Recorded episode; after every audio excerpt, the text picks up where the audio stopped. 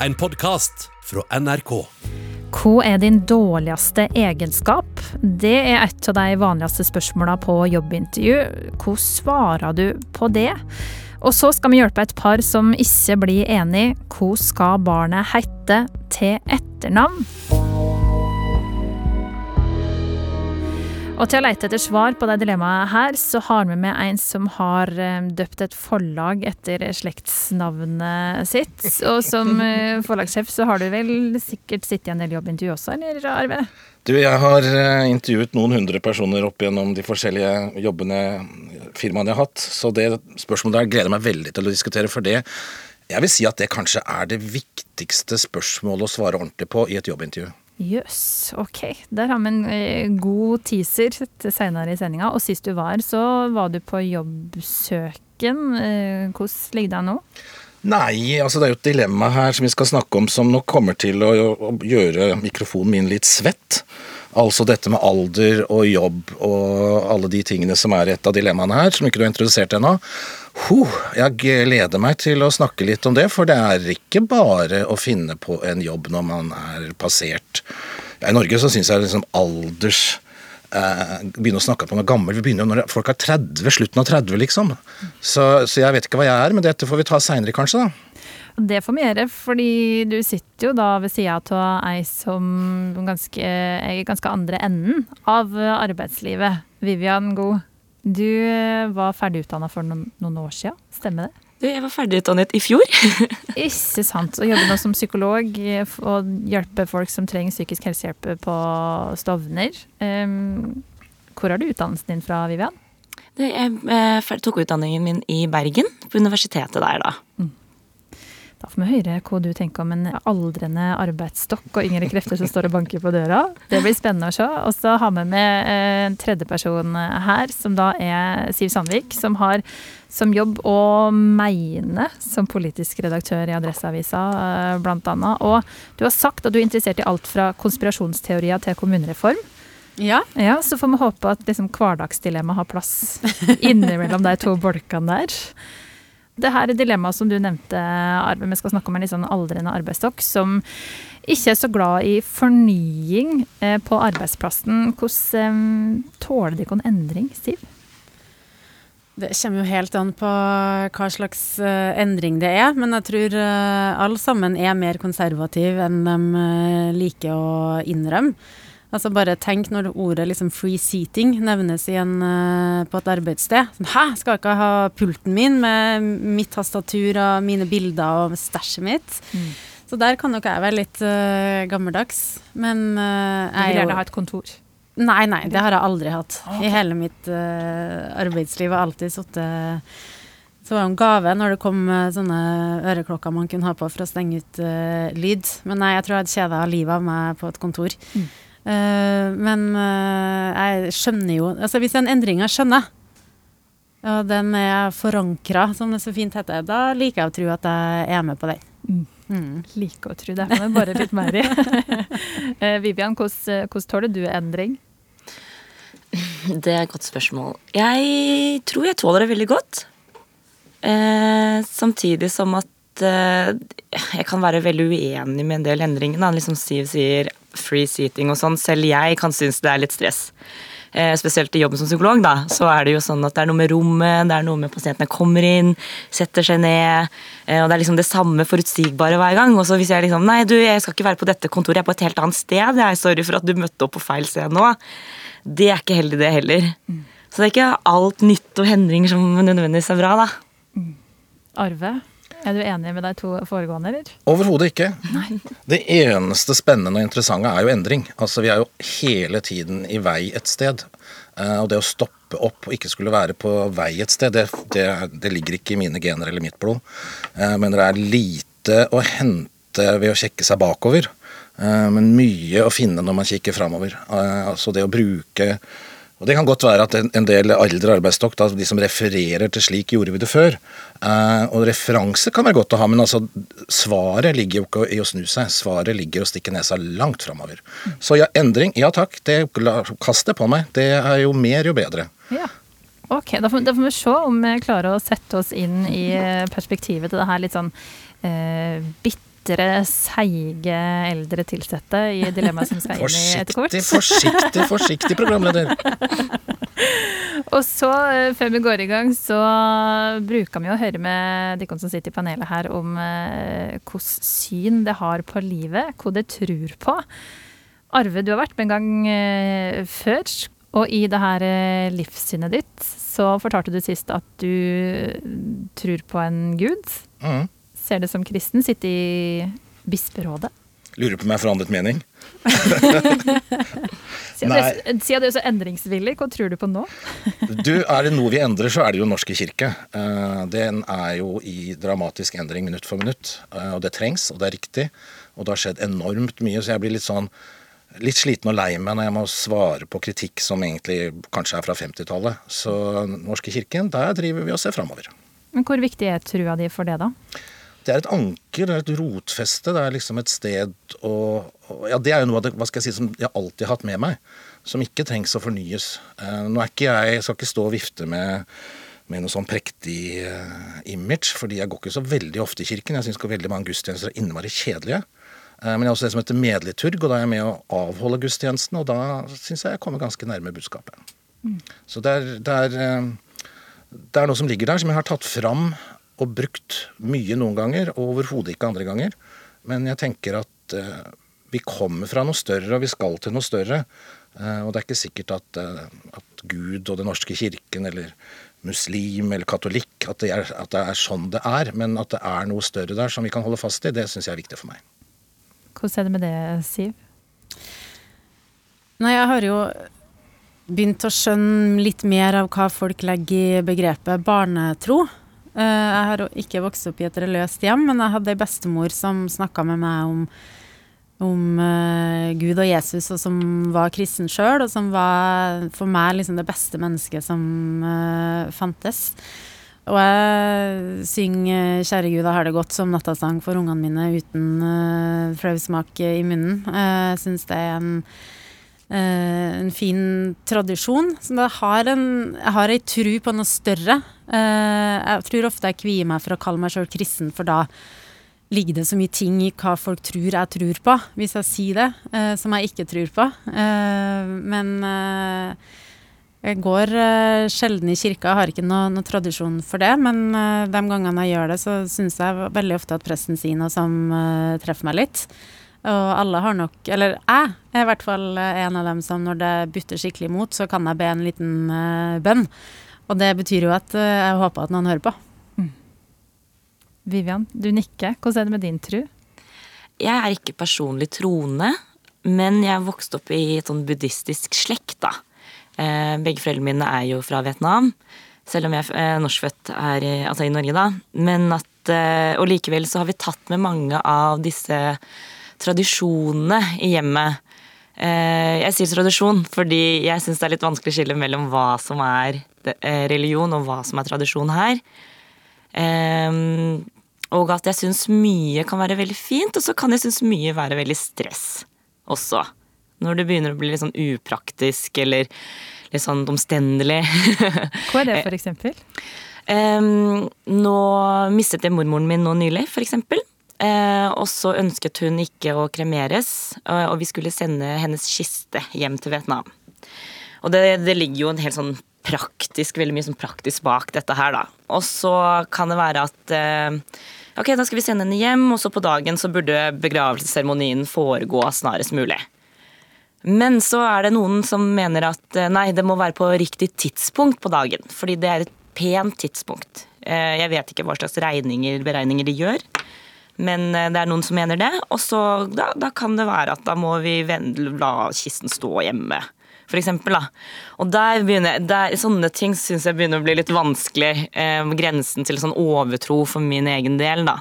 Mm. Eh, men jeg likte veldig det du sa, Arve, om at det, det liksom, vi kommer fra noe større og eh, forhåpentligvis går til noe større. Det kjenner jeg at jeg også har et forhold til. Da, at eh, jeg trenger, å, jeg trenger det for min egen del og, ha det trøst, nesten, eller et holdepunkt, da. For en uh, spennende gjeng. Vi skal ta med oss det her uh, tankene inn i uh, Etikketaten når det nå skal gå i gang med dilemma som folk har uh, sendt inn til oss. Og hvis du som hører på har ei floke fra eget liv som du vil ha andre sine tanker rundt, så kan du sende det til oss på e-post til etikketaten krøllalfa nrk.no. Siv, Arve og Vivian, her er første dilemma i dag. Jeg og kjæresten planlegger å få barn. Litt tilfeldig så begynte vi å prate om etternavn på det her foreløpig ikke-eksisterende mennesket. Jeg sa det er viktig for meg å føre videre etternavnet mitt, og argumenterte med følgende. Etternavnet mitt er nokså uvanlig. Det er etter min mening veldig fint, og det vil oppleves som en premie for meg å gi navnet videre etter graviditet og fødsel. Tanken på å måtte gå gjennom et svangerskap syns jeg er utrolig skummelt. Først så sa han at han ikke brydde seg om navn, og at vi gjerne kunne gå for mitt, men så ombestemte han seg brått. Nå nekta han plent å gå med på det her, han vil ha etternavnet sitt som familienavn. Hvordan kan vi løse det her, hvem skal til sjuende og sist bestemme? Og bare for å ha det klart, vi kan ikke bruke begge navna, det er faktisk ikke et alternativ. Det hadde skjønt det om jeg fortalte hvilket navn det er prat om, men jeg ønsker å være anonym. Vi kaller deg eh, Kari og Ola med, for å være så nøytrale som mulig. Um, og så tenker jeg vi tar en runde. Hvem, hvem har det fått etternavnet deres fra? Arve? Nei, den gangen var det jo ikke noe diskusjon. Da var det pappas etternavn. Ja. For du har Det er Juritzen. Du har ikke mm. noe mellomnavn der? Nei. Den andre slekta mi, som heter Rygg, de fikk ikke være med i mitt navn. Mm. Og så på toppen av det hele så har jeg fått fornavnet til faren min som etternavn, så da skjønner dere hvem som vant den diskusjonen. Hvordan er det med det, Siv? Jeg har uh, mamma sitt uh, etternavn, og jeg har heller ikke noe mellomnavn. Uh, og det, for dem var jo det en litt sånn politisk greie òg, for det var ikke så lenge før at navneloven ble endra. For før var det automatikk i at barnet fikk farsnavn, men nå må man si fra aktivt hvis det ikke skal ha mors navn. Mm. Uh, så, og det var jo en kampsak, så da hadde uh, mora mi gode argumenter. Så jeg har min mors navn. Hvorfor tror du far gikk med på det her, da? Nei, jeg tror uh, han Det ene synes, kan jo være så enkelt at Siv Sandvik klinger bedre enn Siv Tveit, da. og så tror jeg at han ikke har en sånn Noen har jo veldig identitet knytta til navnet sitt, og han er jo glad i etternavnet sitt, han òg, men jeg tror ikke han har den samme sånn Og begge er ganske vanlige navn, så det er ikke noe sånn en går oppi Huttiheiti som uh, hvis jeg ikke får det, så dør navnet ut. Mm. Ja. Jeg vet ikke. Men det har aldri vært noe sårt tema for han, i hvert fall. Mm. Så det er ikke noe sånn vondt og vanskelig. Nei. Men det er mange som har spurt meg om jeg har skilte foreldre. Det har jeg ikke. Jeg er godt gift. Vivian, hvordan er det med ditt eh, etternavn? Hvem er det sitt? Det er pappa sitt. Var det, var det en selvfølge, tror du? Ja. ja. Det er jeg ganske sikker på. Fordi det er vietnamesisk tradisjon? Stemmer. Det er det vanligste. Er at barna får far sitt etternavn. Og så er det eh, noen familier eh, fortsatt at det er veldig viktig med guttebarn. Eh, for da er det der det føres videre. Ok, Så mor overtar ikke navnet etter eh, mann når hun gifter seg? Nei, faktisk ikke. Det er veldig uvanlig at noen gjør det. Ok. Mm. Og dobbeltnavn? Dobbeltnavn um, Ja, jeg har faktisk sett at noen har hatt det, men jeg tror også det er litt uvanlig. Mm. Uh, det er noe at det klinger ikke så godt. Mm. Ja. Ikke sant. Det er det også. Musikaliteten i det. Ja, eh, faktisk. men um, hvor skal det her eh, kommende barnet til Kari og Ola hete da, Siv? Nei, jeg er jo veldig nysgjerrig på hvorfor de to navnene ikke går sammen. Men det får vi jo ikke vite, så jeg skal ikke bruke tid på det. Det er jo en sånn uløselig greie, på en måte, hvis begge har uh, veldig sterke følelser for det.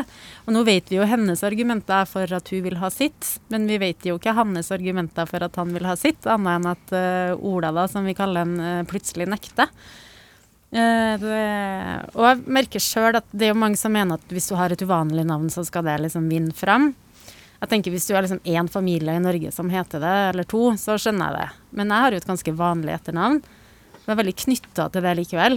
Det er liksom Sandvik-slekta, og det er typisk Sandvik. Jeg har en veldig identitet knytta til navnet mitt, sjøl om det er veldig vanlig.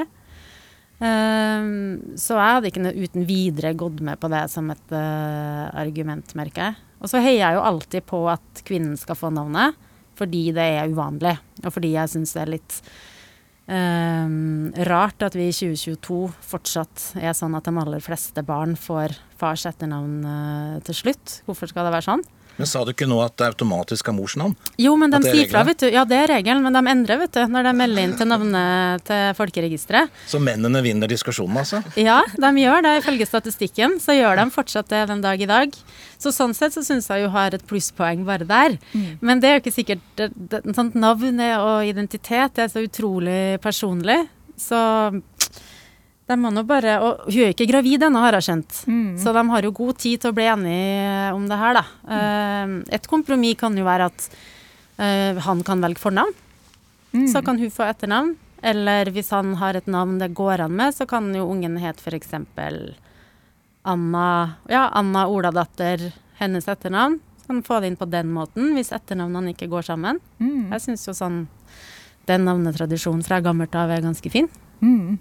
Hva er liksom eh, det gode argumentet da, hvis en skal vinne denne eh, diskusjonen, eh, Vivian? Nå har vi vært inne på liksom, hvis navnet er sjeldent. Det er ganske høyt opp på lista. Ja. Jeg mener jo at egentlig alle argumenter her er veldig subjektive. Ehm, Det er egentlig mitt ståsted. Sånn at det er litt vanskelig å si om det er noen som er bedre enn andre, fordi det er sikkert, sikkert veldig viktig for den personen som fremmer disse argumentene.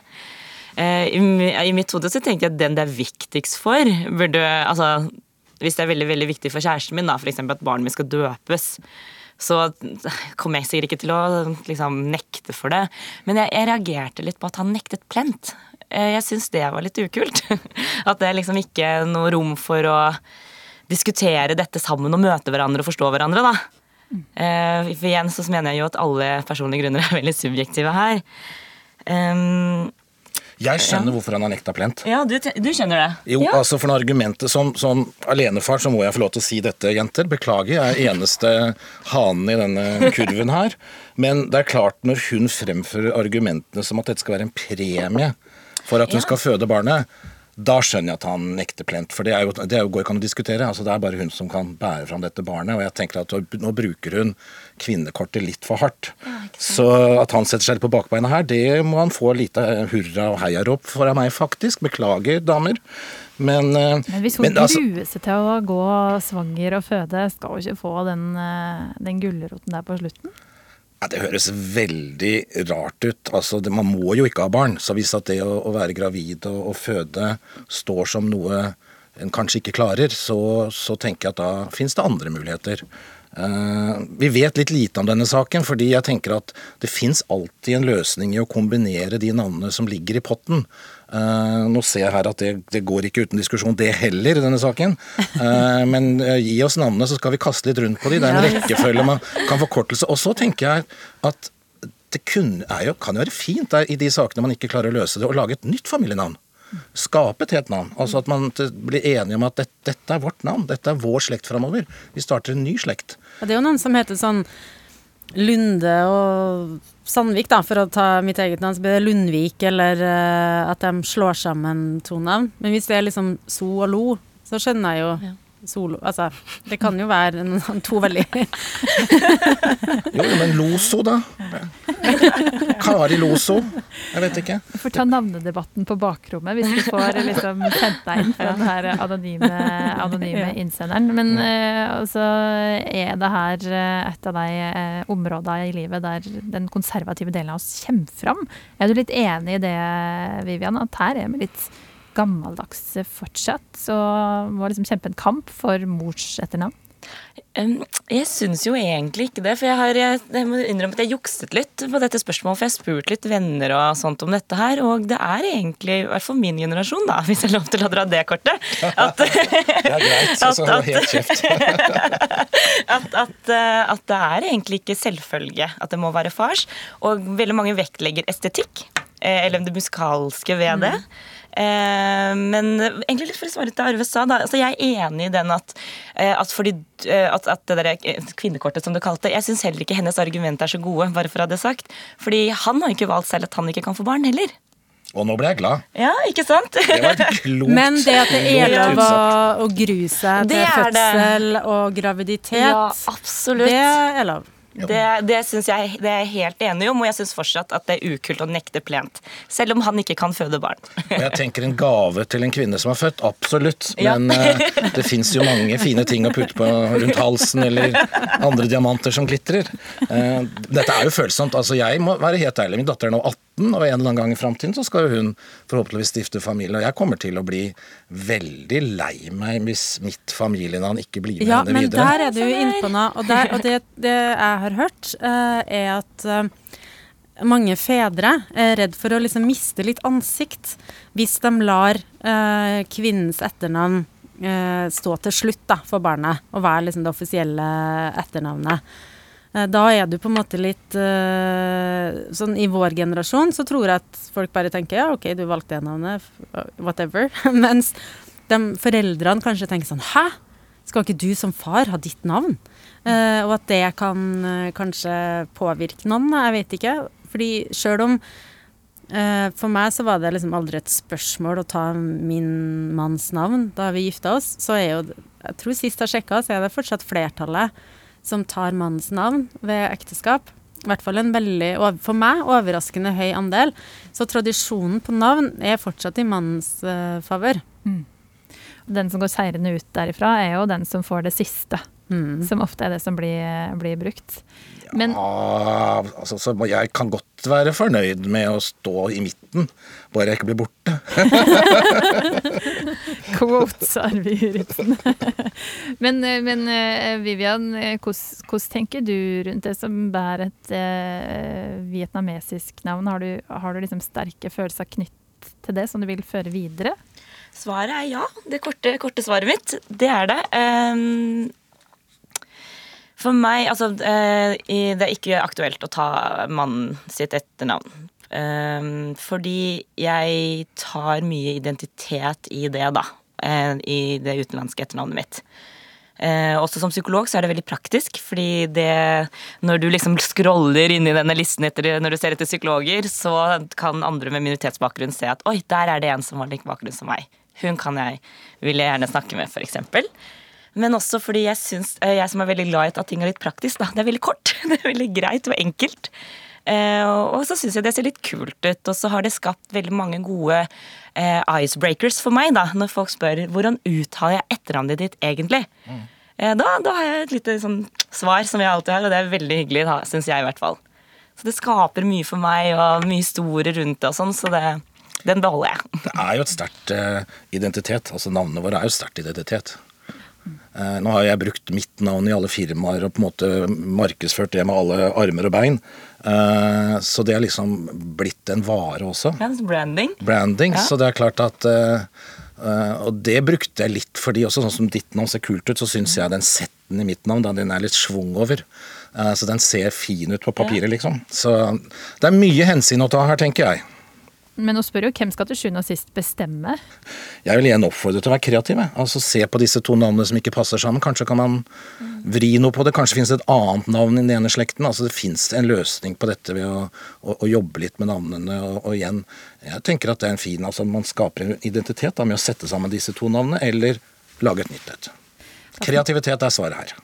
Da får vi se om, eh, om nysgjerrigheten vår blir døyva ved at vi får litt mer info rundt, eh, rundt dilemmaet. Men eh, vi får bare si lykke til da, til Kari og Ola med å finne enighet i det her.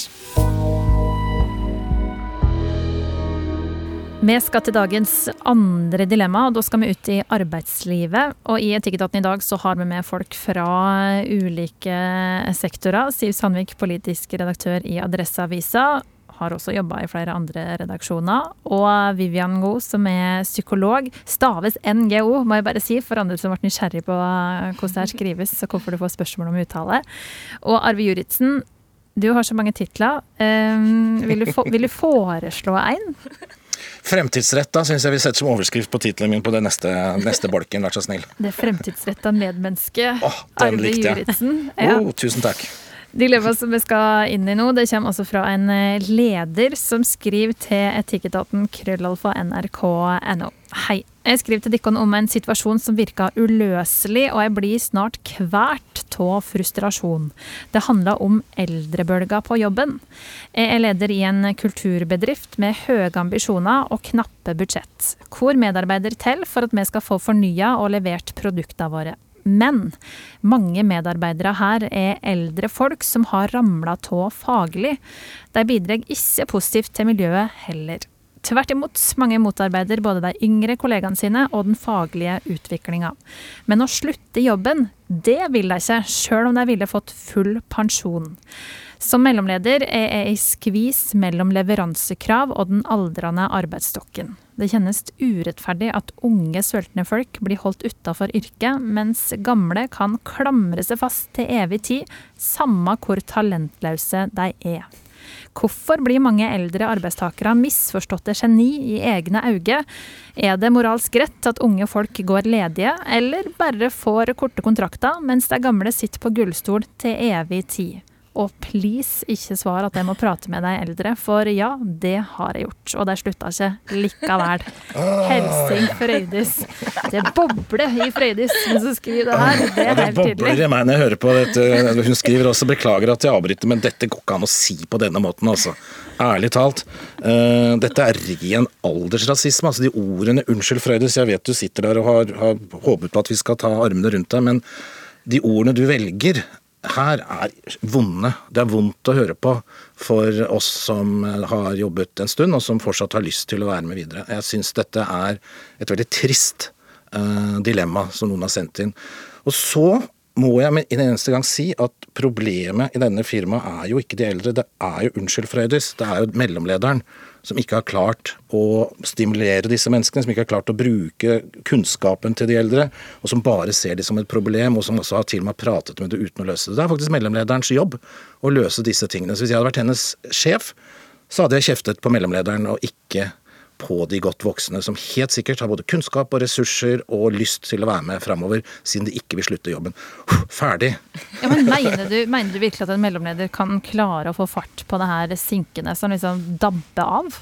Hvis ikke så kan hun ikke være mellomleder, det er faktisk jobben hennes. Det er harde ord til Frøydis der. Er du enig, Siv? Ja, det er som en eh, slags eh, mellomleder sjøl. Så jeg er veldig glad for at jeg ikke har det sånn på jobb, eh, sånn som eh, Frøydis har det. Og det så, og det er ikke fordi jeg bare har eh, 25-åringer som eh, jobber for meg, for det har jeg ikke. Eh, jeg tror jo at det her handler ikke om alder, men om holdninger. Både Frøydis sine holdninger eh, og kanskje om holdningene til de her grinebiterne. For grinebitere finnes jo i alle aldre. Eh, og at det at hun henger seg opp i alder, tror jeg kanskje henger sammen med at hun vet at de kan jo slutte med æren i behold. Hvorfor er de her hvis de ikke er motivert? Men det er jo hennes jobb uh, å motivere dem.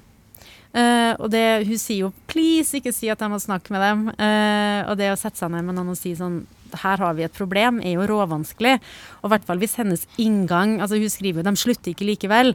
Hvis hennes inngang til den samtalen var å få dem til slutt, så skjønner jeg jo at den samtalen ikke gikk særlig bra. Uh, hun må jo prøve å finne ut av hva er problemet her. Hvis hun skal løse det, så må hun jo finne ut av hvor hva er greia? Uh, er det, har de blitt dårlig behandla av, av bedriften tidligere, altså før hun kom inn i bildet? Er de pottesur fordi et eller annet som har skjedd før? Uh, føler de at arbeidsoppgavene de får er kjedelig? Går det an å gjøre noe med miksen der? Altså, hun må jo få dem her med, for hvis hun skal begynne et slags sånn oppsigelsesløp altså Hun sier jo at hun er pressa på tid og har store krav. Hvis hun skal begynne med å liksom enten gjøre ar arbeidshverdagen deres så sur at de bare slutter av seg sjøl, så, så suger de i hvert fall all energi ut av det rommet og gjør det utrivelig for alle. Og så tenker jeg hun kan ikke stå i det her alene. Hun må involvere sin leder eller HR-avdelinga, hvis hun har det. Fordi det her virker jo som en hel sånn at det har i hvert fall låst seg hos hun, så hun trenger noen å snakke med som kanskje kan hjelpe henne til å skjønne at hun må faktisk løse det her. Hun kan ikke bare sitte og vente på at de slutter. Men vil det ikke alltid bli et sprik mellom de som henger med i utviklinga og de som ikke gjør det? Ja, men det tror jeg ikke handler så mye om alder. Å, nå fikk jeg lyst til å gi deg en klem. Hvordan skal en få hekta på det her som er skeptisk til utviklinga da? Jeg tror de må skjønne hvorfor de er skeptiske. Er de redd for at deres eh, kunnskap og kompetanse ikke blir verdsatt lenger? Da må man jo overbevise dem om at jo, det du kan er fortsatt råviktig, men vi må satse mer og mer på Det er jo det dødskjedelige ordet forankring, da. Det jo, blir jo nevnt uh, til stadighet fordi det er viktig. Folk må skjønne hvorfor ting endres jeg, jeg, jeg, klarer ikke å tie stille her. Jeg vet at jeg, jeg trenger hjelp av psykologene til å roe meg, så, så, det er godt du sitter ved siden av meg. Men, men, dette er et problem vi har skapt i Norge som er større enn i andre land. Spesielt innenfor kulturfeltet hvor Frøydis holder på. Hvis vi ser til land vi kan sammenligne oss med, USA og, og England, så er jo folk med eh, og fronter og har en posisjon og får jobber langt opp i 70-80-årene. I Norge så begynner man jo å snakke alder når man er liksom 45. Eh, så jeg tenker at vi har skapt et eller annet problem som vi, ved at vi skal liksom bli så fort gamle dette landet. Eh, og hvorfor får man til i andre land? Skulle gjerne sett en studie på det, jeg vet ikke. Men, men spesielt innen kulturfelt. altså Jeg satt hjemme i går og så Jane Fonda, hun er noen og 80 år nå og spiller bedre enn noensinne. Når så vi en kvinnelig norsk skuespiller på 80 år få oppdrag? Da ble det stille, ikke sant? Ja, for det er ingen som har et svar på det. Nei, men de, de, er, de er ferdig, borte. Så, så, så, vi må gjøre noe. Men jeg skjønner jo hvis dette handler om Frøydis, jeg var litt streng med det i starten, men hvis dette handler om at de f.eks. ikke klarer å at, at, de skal lage TikTok-videoer, eller at de ikke klarer på en måte datatingene, uh, ja, så skjønner jeg at det er frustrerende å skulle lære opp, men da må, må, man på en måte enten finne andre arbeidsoppgaver, eller ta den jobben med å, å lære opp. Så jeg føler vel at dette kanskje er mer personalproblemer enn det er aldersproblemer, slik som Frøydis legger det framfor oss. Men det høres ut som Frøydis her er leder i et attraktivt eh, selskap, der eh, unge folk står og banker på døra og gjerne vil ha jobb. Og det er jo sånn eh, her til lands at loven sier at du skal bevare jobben fram til du er 70 eller 72, alt avhengig av hvilken eh, bedrift du er i. er det moralsk rett at uh, gamle folk skal sitte på plassen sin mens uh, unge krefter vil inn, Vivian? Ja, jeg var litt redd for at jeg skulle få den overordnede etiske ved dette her. Fordi i den spesifikke saken så vil jeg bare først si at jeg er helt enig med de andre. At eh, jeg satt med en skikkelig uggen følelse etter at jeg leste det, det dilemmaet. At, at, det var liksom voldsomme anklagelser mot medarbeiderne sine. Uh, uh, også sånn at uh, jeg, så er enig med det at her er det litt ansvarsfraskrivelse fra lederen, og at eh, mye som kan gjøres, da. men på et mer sånn overordnet nivå burde de eldre slutte jobben sin, og sånn at unge kan få plass, da. Det er et litt vanskelig spørsmål, for det vi vet, er jo at arbeidsledighet er dårlig for den psykiske helsen uansett om de er unge eller eldre det er det ingen tvil om at ledegang er liksom roten til veldig, veldig, kanskje alt vondt. Ja, Hvis jeg skal mene noe skikkelig om dette her, så tenker jeg at en ung person kanskje ville hatt mange år igjen, eller flere år. Og at hvis den personen går arbeidsledig og blir syk eh, tidlig av, så kan samfunnet kanskje tape litt mer eh, enn en eldre person. I hvert fall hvis det er sånn pensjonsalder. Du går jo egentlig ikke nødvendigvis arbeidsledig når du pensjonerer deg. Det, jeg tror ressursene deres kan brukes kanskje veldig mye bedre andre steder. Frivillighet, barnebarn, kos. Alt det der, da. Mens en ung person kan kanskje koste mer eh, og miste ressursene til, da. Det Frøydis burde gjøre, er jo å sette disse unge geniene sammen med disse gamle problemene i en gruppe. Eh, jeg gjør mye sånne ting hvor jeg er inne som slags mentor, jeg er altså et teit ord. Men eh, hvor jo jeg lærer like mye av de unge som jeg skal liksom inn og erfaring til videre, som de kanskje lærer av meg og i en kulturbedrift hvor vi da skal speile samfunnet og kulturen, så sett sammen neste redaksjon da, med to unge og to voksne. Eh, og Så får de finne ut av dette sammen, og så har de helt sikkert kommet, kommet et produkt ut i andre enden som Frøydis bør klappe for. Så, så, det handler jo om å tørre å gjøre andre ting. Altså, og så må vi finne ut av når er man gammel, da. Det er også helt individuelt. altså Noen er jo født gamle og grinebitere fra de er fire. Eh, og andre er Unnskyld at jeg sier det og skryter av meg sjøl, sånn som jeg er bare dødsnysgjerrig. Jeg tenker at det, det, mest spennende er jo foran meg, og elsker ny teknologi og plundrer og, og, og får ikke til alt, og datteren min blir litt oppgitt og sånn, men jeg er jo på. Har flere eksempler på folk som jeg håper egentlig aldri går av med pensjon. Espen Ester Benstad Pirelli f.eks., som har hatt her i, i Etikketaten. Eller Sissel Gran, som også begynner å bli Har vel bikka 70. Som en liksom bare vil skal fortsette, fordi det er en, en ressurs. Men du sier, Arve, at en trenger liksom et spenn i, i gruppa eh, i alder. Men hvis Adresseavisa, da, f.eks.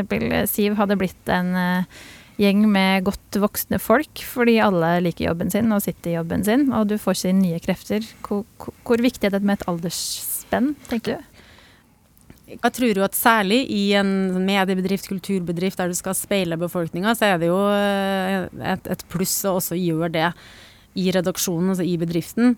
Eh, og selvfølgelig, hvis alle ansatte i Adressa hadde vært over eh, 60, så hadde ikke det vært eh, noe fordel. Akkurat som det hadde ikke vært noe fordel om eh, alle ansatte var 25.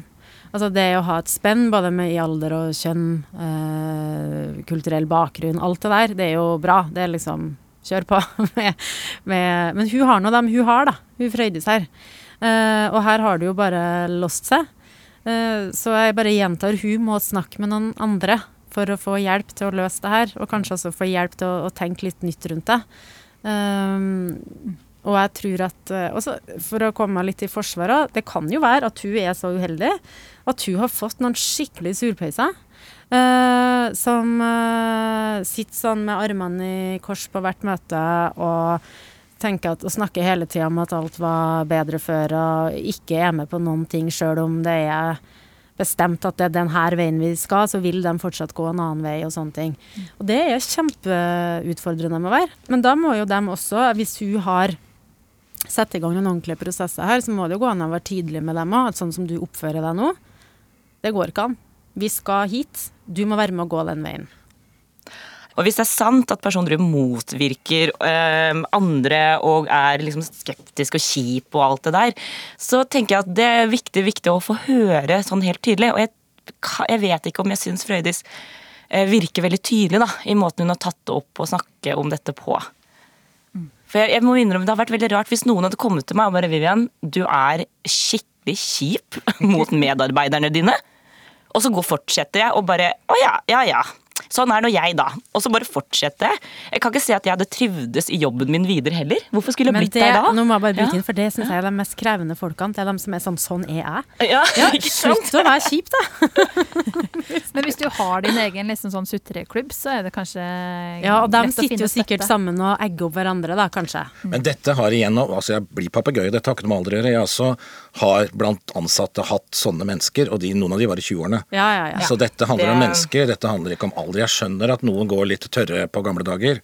KE-ledertrikset du henter fram da, Arve, hvis eh, du har en sånn lite endringsvillig person i stokken? Jeg har opplevd at eh, ingenting er mulig. Jeg har opplevd og vært Frøydis også, hvor dette det må, bare, det må bare løses på en annen måte. Det handler ikke om arbeidsplassen, det handler ikke Ofte er det private problemer. Eh, og så er det jo klart at det fins også Ho, nå blir det bråk. Men det fins jo arbeidstakere som tror at de har alle rettigheter, og at man er uoppsigelig, og at man eh, på en måte kan ture fram. Men det fins jo alltid muligheter til andre ting også, eh, så jeg tenker at eh, ja, Frøydis er sliten, så få hjelp til å flytte de på andre oppgaver. Og, og er det en menneske som, som virkelig ikke er noe hyggelig med noen, ja, så fins det sikkert en grunn til det i private ting. Og da må det også være lov å gjøre det til en personalsak. Ja, få inn en jurist. Er arbeidsmiljøloven brutt? Så kan det kanskje Frøydis få litt eh, vind eh, ja, Ja. under vingene sine der. Men møter du det her litt sånn eh, vriene folka på psykologkontoret også, Vivian, som veit best sjøl, tilsynelatende? Nei, det, det jeg kan svare generelt på dette her, er jo at vi psykologer jobber hardest med eh, ansvarliggjøring. Det betyr at det du ikke kan gjøre noe med, det du ikke kan endre på, det prøver vi å se bort litt fra, og så hva er det du kan gjøre for saken. Og det gjelder jo på en måte Frøydis her òg, at du kan nok ikke endre på eh, hvordan disse menneskene er, men hva er det du kan gjøre for at arbeidsmiljøet på jobben skal være bedre. Men jeg tenker på den jobben din er jo helt imponerende. altså Du skal da sitte dag ut og dag, time etter time og høre på andres problemer. Hvordan, hvordan omstiller du når du kommer hjem, liksom?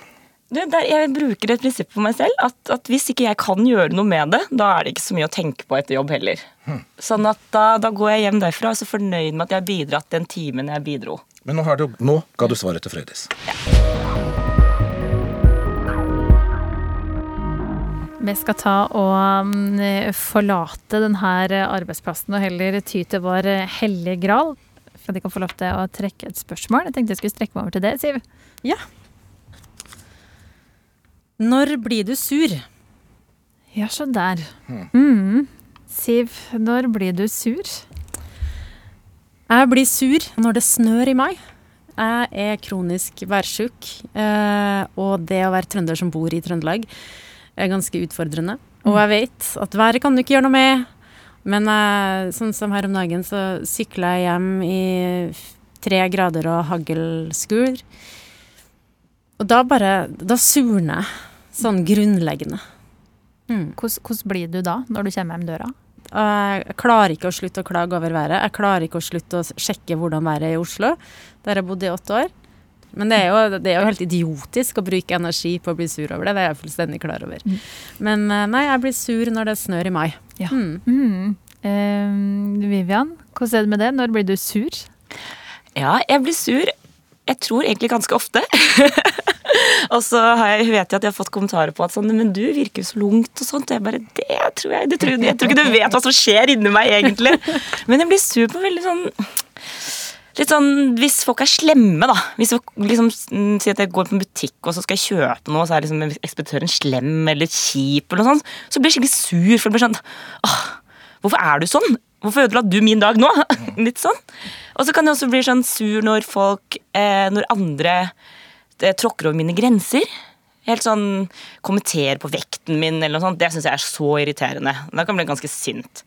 Eh, eller få slemme mot andre mennesker. Eh, og altså, ja, sånn rasisme, diskriminering Alt sånt kan jeg hisse meg veldig hardt over. Eh, og så kan jeg bli sint når eh, Når liksom jeg prøver å gjøre jobben min, og så er det liksom andre som står litt i veien. Så kanskje jeg kan kjenne meg litt igjen i Frøydis til syvende og sist, da. Hvor lenge varer den her eh, surheten da? Du, den varer så lenge jeg ikke har fått uttrykt meg. Sånn at hvis ikke jeg har fått sagt ifra på en eller annen måte, så går jeg og grubler og grubler på det veldig lenge. Og det er derfor jeg prøver å leve etter den regelen at jeg må bare gjøre noe med det. Jeg må si ifra, ellers så slutter det aldri. Hvordan sier du ifra hvis folk er frekke mot deg på butikken da? Ja, det Jeg jobber med saken, altså. Det er lettere sagt enn gjort. det må jeg bare si. Men det, i min sånn fantasiverden her, da, er at eh, jeg ville bare sagt at du, jeg syns du var kjip nå. Ja. Hæ? Den personen i butikken har svaret. Hva mener du? Hva mener du nå? Det gir en liten sånn release å bare sånn ha sagt ifra. Ja, jeg syns det var dårlig service. La meg snakke med manageren din. Manager, hva for noe? Arve, blir, Nei, jeg- blir du sur? Ja, jeg blir også Jeg blir, jeg blir mest sint og, og litt uforskamma noen ganger. Um, så jeg blir mest sur når jeg går på kafébar og ber om et glass vann. Og så får jeg til svar 'forlåt'. Jeg sier jeg skal ha et glass vann. Forlåt. Og så står det altså en bak disken som slutt sier skal jeg, 'Vil du ha et glass vann? Isvann?' Uh, dette har ikke noe med svensker å gjøre, dette handler jo om servicenæringen vår, hvor folk blir kasta rett inn på jobb uten å få noe opplæring. Eh, og sånt eh, litt som eh, ja, ja, så litt som Vivian blir også veldig sur når jeg går i en butikk, og så står det folk og tygger tyggegummi og er helt eh, uinteressert. Eh, og igjen så, så skal vi ikke nevne navn, nei, alderen på disse menneskene, selvfølgelig. Vet du. Nå er vi ferdig med, med alder. Men egentlig er det litt synd på de menneskene som får min sinne, fordi det, er, de er jo sjefene deres, kanskje mellomlederne, som ikke har lært dem opp. Det er utrolig mye dårlig service vi nordmenn finner oss i. og jeg, Alle de årene jeg jobber jobbet med TV 2 Hjelper og forbrukersaker, altså vi er altfor lite flinke i Norge til å klage på møkkaservice og på dårlig behandling i butikkene. Altså Når du spør hvor henger stillongsen, og så får du beskjed at ja, det er borte. Men hvordan, sier du ifra da? Da sier jeg at eh, ja, kan du Hvis jeg da har en dårlig dag, så kan du gidde å vise meg hvor den henger hen. Kan du gidde å bli med bak disken, eller har du ikke lyst til å hjelpe meg? Vil du ha et salg? Ja, ja, de som går med meg og kjøper sånne ting, de pleier som regel å holde litt avstand, fordi jeg, jeg blir dessverre veldig hissig. Og så kan det bli urettferdig. Hvis jeg har hatt en innmari dårlig dag, så kan det hende at den stakkaren bak disken da som sto der, for den dagen. Men da er, har jeg sluppet psykologen. Da kan jeg altså gå hjem og kjenne at stimen er borte, dritten er ferdig. Mens i den andre enden så har eh, psykologbehovet kanskje oppstått. For meg, mener du? Nei, for den stakkars butikkansatte. Det, ja, når den er eh, Altså, service, selge varer, konkurranse. Det, men, men igjen, altså, det er jo ikke de som står i butikkene og de som er på kafeene. Det handler om de som skal lære de opp. Og så fins det noe som, som er, jeg blir enda mer sint over. De er telefonselgere. Stakkars mennesker. Som sitter og skal selge deg noe du overhodet ikke har interesse for. Da begynner jeg alltid med 'hva skal du selge meg?' Og så sitter de og leser fra, for de, de, de har jo et manus ikke sant, som sitter og leser fra. Det passer jo ikke spørsmålet mitt inn. Nei, da de også tenker jeg at eh, jeg må be om unnskyldning, altså. Da, det går mye Ja. Det er ikke pent, men eh, Uff, stakkars folk. Jeg tror det er mange som hører på som liksom nikker gjenkjennende til det de kan si. Og det er godt å få bekrefta at det fins liksom sinne i den gjengen her som jeg syns det kunne hørtes ganske, ganske hyggelig ut i dag. Men eh, sinnet ligger der, så vi skal ikke samle dere på en eh, snøværsdag i mai. Vi skal yte god service og ikke være frekk i trynet. Da har vi en fin gjeng på besøk. Men det, hadde- det hadde vært interessant også å snakke med Jeg kjenner ingen som er telefonselgere. Jeg vet ikke om noen gjør det, for det tenker jeg må være verdens mest utakknemlige jobb. Og at noen klarer det. Jeg lurer på om de klarer å legge det bak seg når de går hjem. jeg. Ja. Jeg kjenner noen, jeg tror eh, de syns det er greit, men at de ville ikke gjort det igjen. sånn at de, når de er ferdig med perioden sin, så var det sånn «Ja, det var enda godt, jeg har fått meg ny jobb. Det er kanskje ikke en, en eh, jobb du blir gammel i. Ja, eller kanskje disse til Frøydis. At det er der, hvis den av det firmaet hennes har en sånn kundeserviceavdeling, at det er der hun skal plassere det. Ikke sant? Da kan de jo snakke med litt likesinnede, grinte mennesker. Nå har vi løst det. Kom til slutt. Vi skal ta og forlate den her eh, sure stemninga som endte ganske godt, egentlig, eh, og heller gå inn i dagens eh, siste dilemma som kommer fra Jonas, som for så vidt også rører borti de litt kjipe sidene våre. Gjengen her i Etikketaten i dag, det er altså politisk redaktør i Adressa Siv Sandvik, psykolog Vivian Goe og tidligere forlegger og programleder Arve Juritzen. Og nå så skal det få hjelpe Jonas, som skriver til Etikketaten krøllalfa nrk.no. Hei, jeg driver og søker med en ny jobb, og prøver å forberede meg mest mulig til jobbintervju. Men det er ett spørsmål som jeg ikke greier å tenke ut svaret på. Nemlig hva er dine dårligste egenskaper? Det er ikke det at jeg mener at jeg ikke har noen dårlige egenskaper, jeg vet bare ikke hva som er lurt eller dumt å si. Hva vil arbeidsgiver egentlig høre når de stiller det spørsmålet her? Håpet er jo at det aldri dukker opp i et intervju, men om det gjør det, så vil jeg gjerne ha tips til hva jeg kan svare. Helsing Jonas. Nå har vi jo hatt en liten runde på at dere har eh, anlegg for å bli litt sure. Kanskje ikke noe å flagge på et jobbintervju. Men eh, Vivian, husker du at du fikk det spørsmålet her da du var på jobbintervju for et års tid siden? Eh, nei, da, eh, eh, den jobben jeg fikk nå, så fikk jeg fordi jeg var i praksis der. Så det var, eh, der slapp jeg unna intervjuet. Eh, og jeg var nok ikke så veldig sint i møtene der heller, så da slapp jeg unna den. Men jeg har fått den før. Da hadde det vært litt sånn eh, Når var det, da? Jeg tror jeg var jobbintervju til en sånn butikkmedarbeiderstilling. Hadde du pønska ut et svar? Ja, det hadde jeg. Eh, for jeg, det, det føler jeg at det er et sånt spørsmål som alle vet at det kan komme. Og jeg vet at, og da, da vil jeg først si at det ville sett veldig dårlig ut hvis ikke jeg hadde forberedt et svar. Kanskje det er den første funksjonen her, om du i det hele tatt vet at du skal på jobbintervju. Um, og da svarte jeg vel egentlig at uh, jeg kan være litt uh, dominerende i visse settinger. Uh, da, det, men at jeg jobber med å måte slippe andre til, da.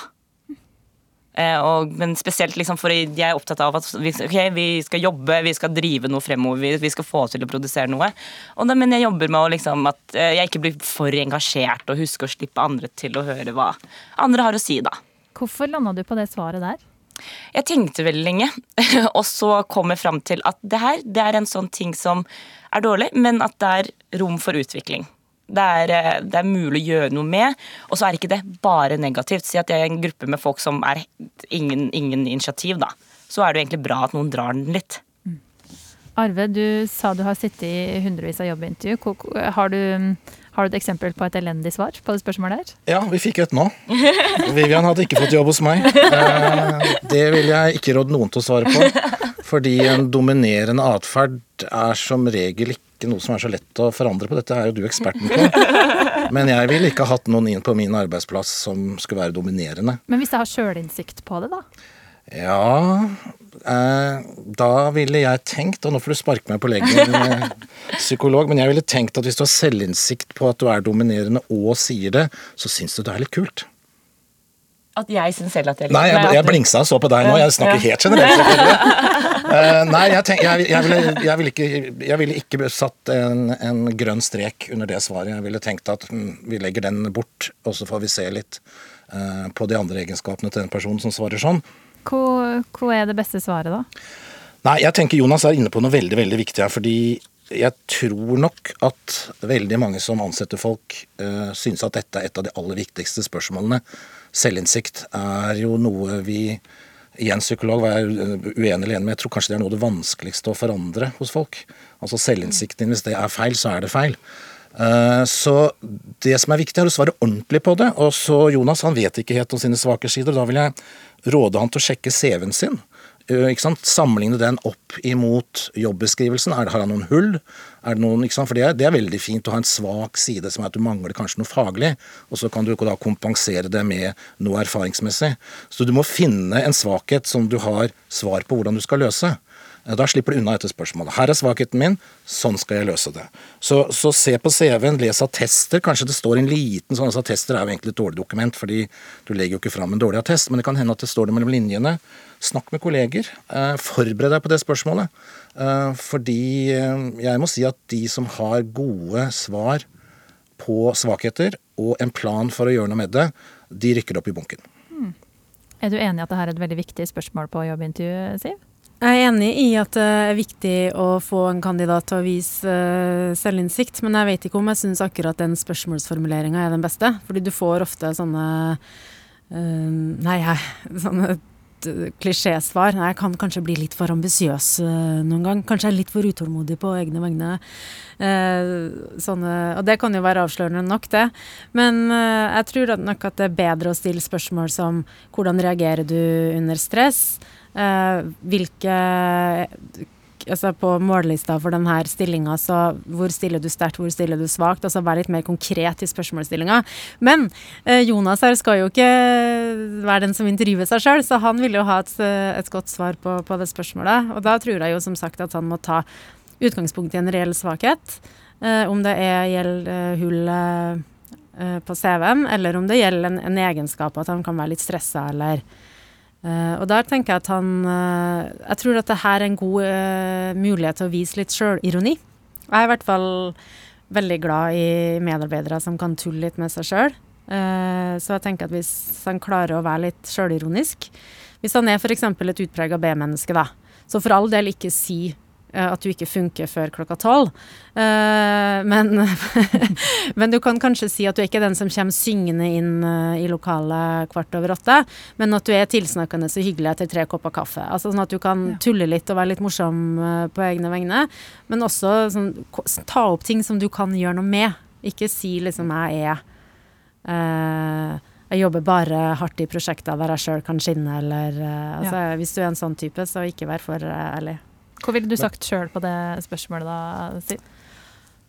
Nei, jeg tror, eh, jeg tror jeg sa noe sånn eh, i den siste uh, altså i den jobben jeg har nå, da var det ganske mange intervjuer uh, før jeg fikk den. Jeg tror jeg sa at jeg kan bli uh, Når jeg blir stressa, så kan jeg bli litt sånn tunnelsyn og litt kort i tonen. Men det var, da er det sånn vare i fem minutter. Men da, da er jeg liksom Ikke snakk til meg nå, nå skal jeg få ferdig det her.